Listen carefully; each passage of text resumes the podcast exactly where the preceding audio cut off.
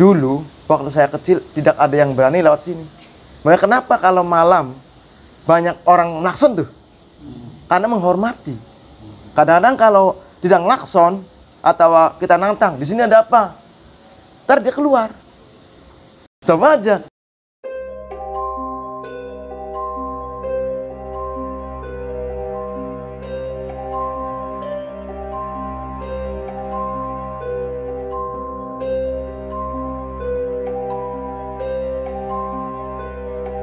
Tuan Laras.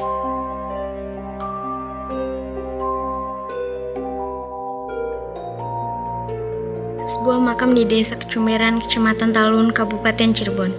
Siapa sangka, makam yang terlihat biasa ternyata memiliki sejuta sejarah dan cerita misteri yang banyak belum diketahui masyarakat umum.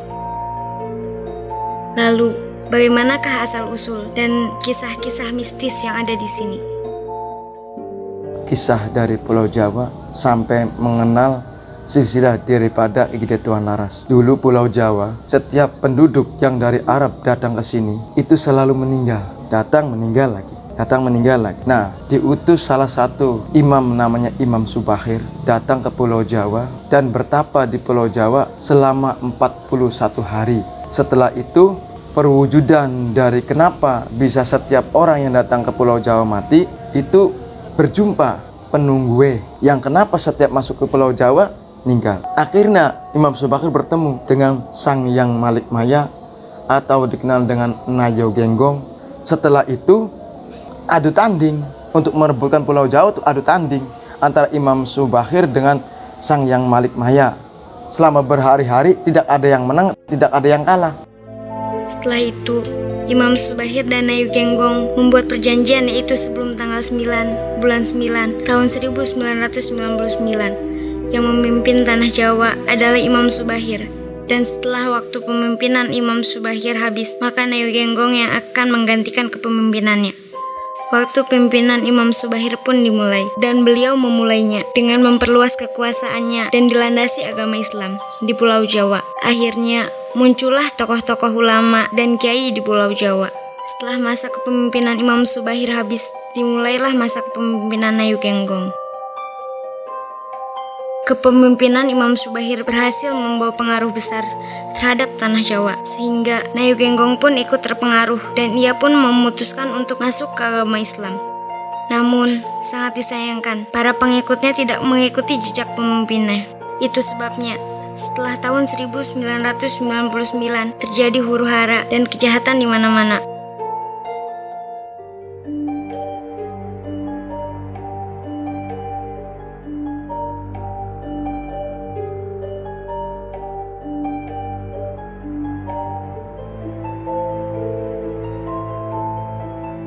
Dari sekian banyak murid Imam Subahir, ada salah satu murid yang bernama Ki Gede Tuan Laras.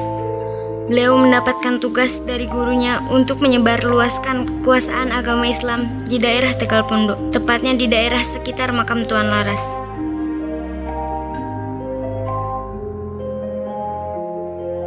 Lantas, kejadian-kejadian mistis apa saja yang pernah terjadi di sini? Nah, kalau masalah mistik di sini, dulu waktu saya kecil tidak ada yang berani lewat sini. Makanya kenapa kalau malam banyak orang nakson tuh? Karena menghormati. Kadang-kadang kalau tidak nakson atau kita nantang, di sini ada apa? Ntar dia keluar. Coba aja. Itu yang menjaga supaya keutuhan di sini itu tidak terusik dengan tangan-tangan jahil. Kalau tidak ada hal-hal yang gituan, tangan-tangan yang jama orang itu akan merusak. Mulai sini nggak ada ayam karena dilindungi. Hal-hal yang najis itu nggak ada. Mungkin orang-orang yang jahil yang ke sini. Tapi kalau makhluk-makhluk yang model ayam nggak ada di sini.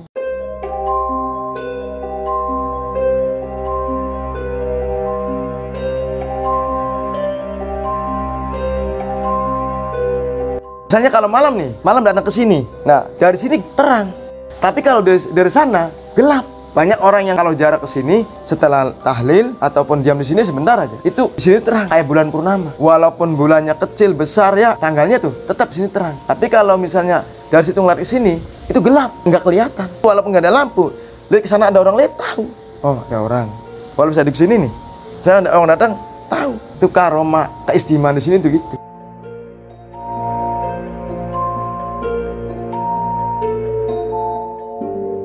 dulu sih kalau ada musibah itu keliling. Nangis. Hmm, nangis dia keliling di sini. Pertanda kalau bisa ngomong nggak? Hati-hati ntar banyak ada orang sakit. Kalau ngomongnya gitu. Dulu nggak ada TV TV cuma satu blok satu orang.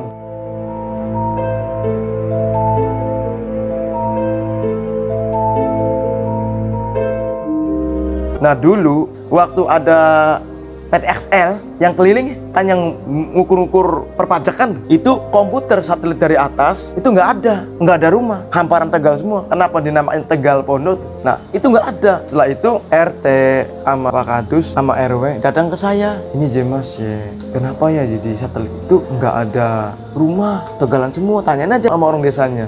Tegal itu hamparan Udah gitu, saya meminta ke sini kepada yang menunggu di sini suruh dibukakan. Ya mungkin mungkin secara goib adanya hamparan mungkin sesu ada sesuatu yang, yang mungkin dirahasiakannya, tapi dibuktikan dengan satelit bahwa di sini itu tidak ada rumah. Setelah saya minta Tua Laras minta supaya dibukakan aura di sininya, tapi kalau udah diukur-ukur tanahnya silakan ditutup lagi. Untuk beberapa minggu setelah selesai ditutup lagi auranya tuh, mistiknya tuh. Wallahu alam, hanya Allah yang tahu. Kita sebagai hambanya hanya patut yakin dan mempelajari lebih dalam terhadap sejarah yang ada.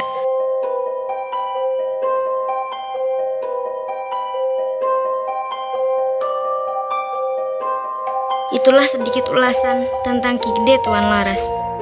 Semoga bisa menjadi referensi kita untuk mengetahui lebih dalam tentang sejarah yang ada di Indonesia, khususnya di Cirebon.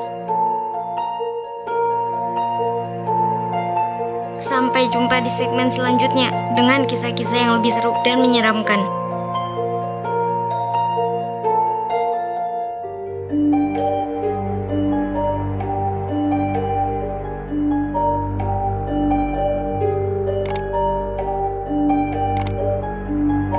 Jangan lupa like, share, dan tinggalkan saran di kolom komentar ya. Dan follow juga fanspage kami di Facebook dan Instagram. Oh iya, kita sudah ada podcastnya loh dan sudah tersedia di Spotify. Kalian bisa cek linknya di kolom deskripsi.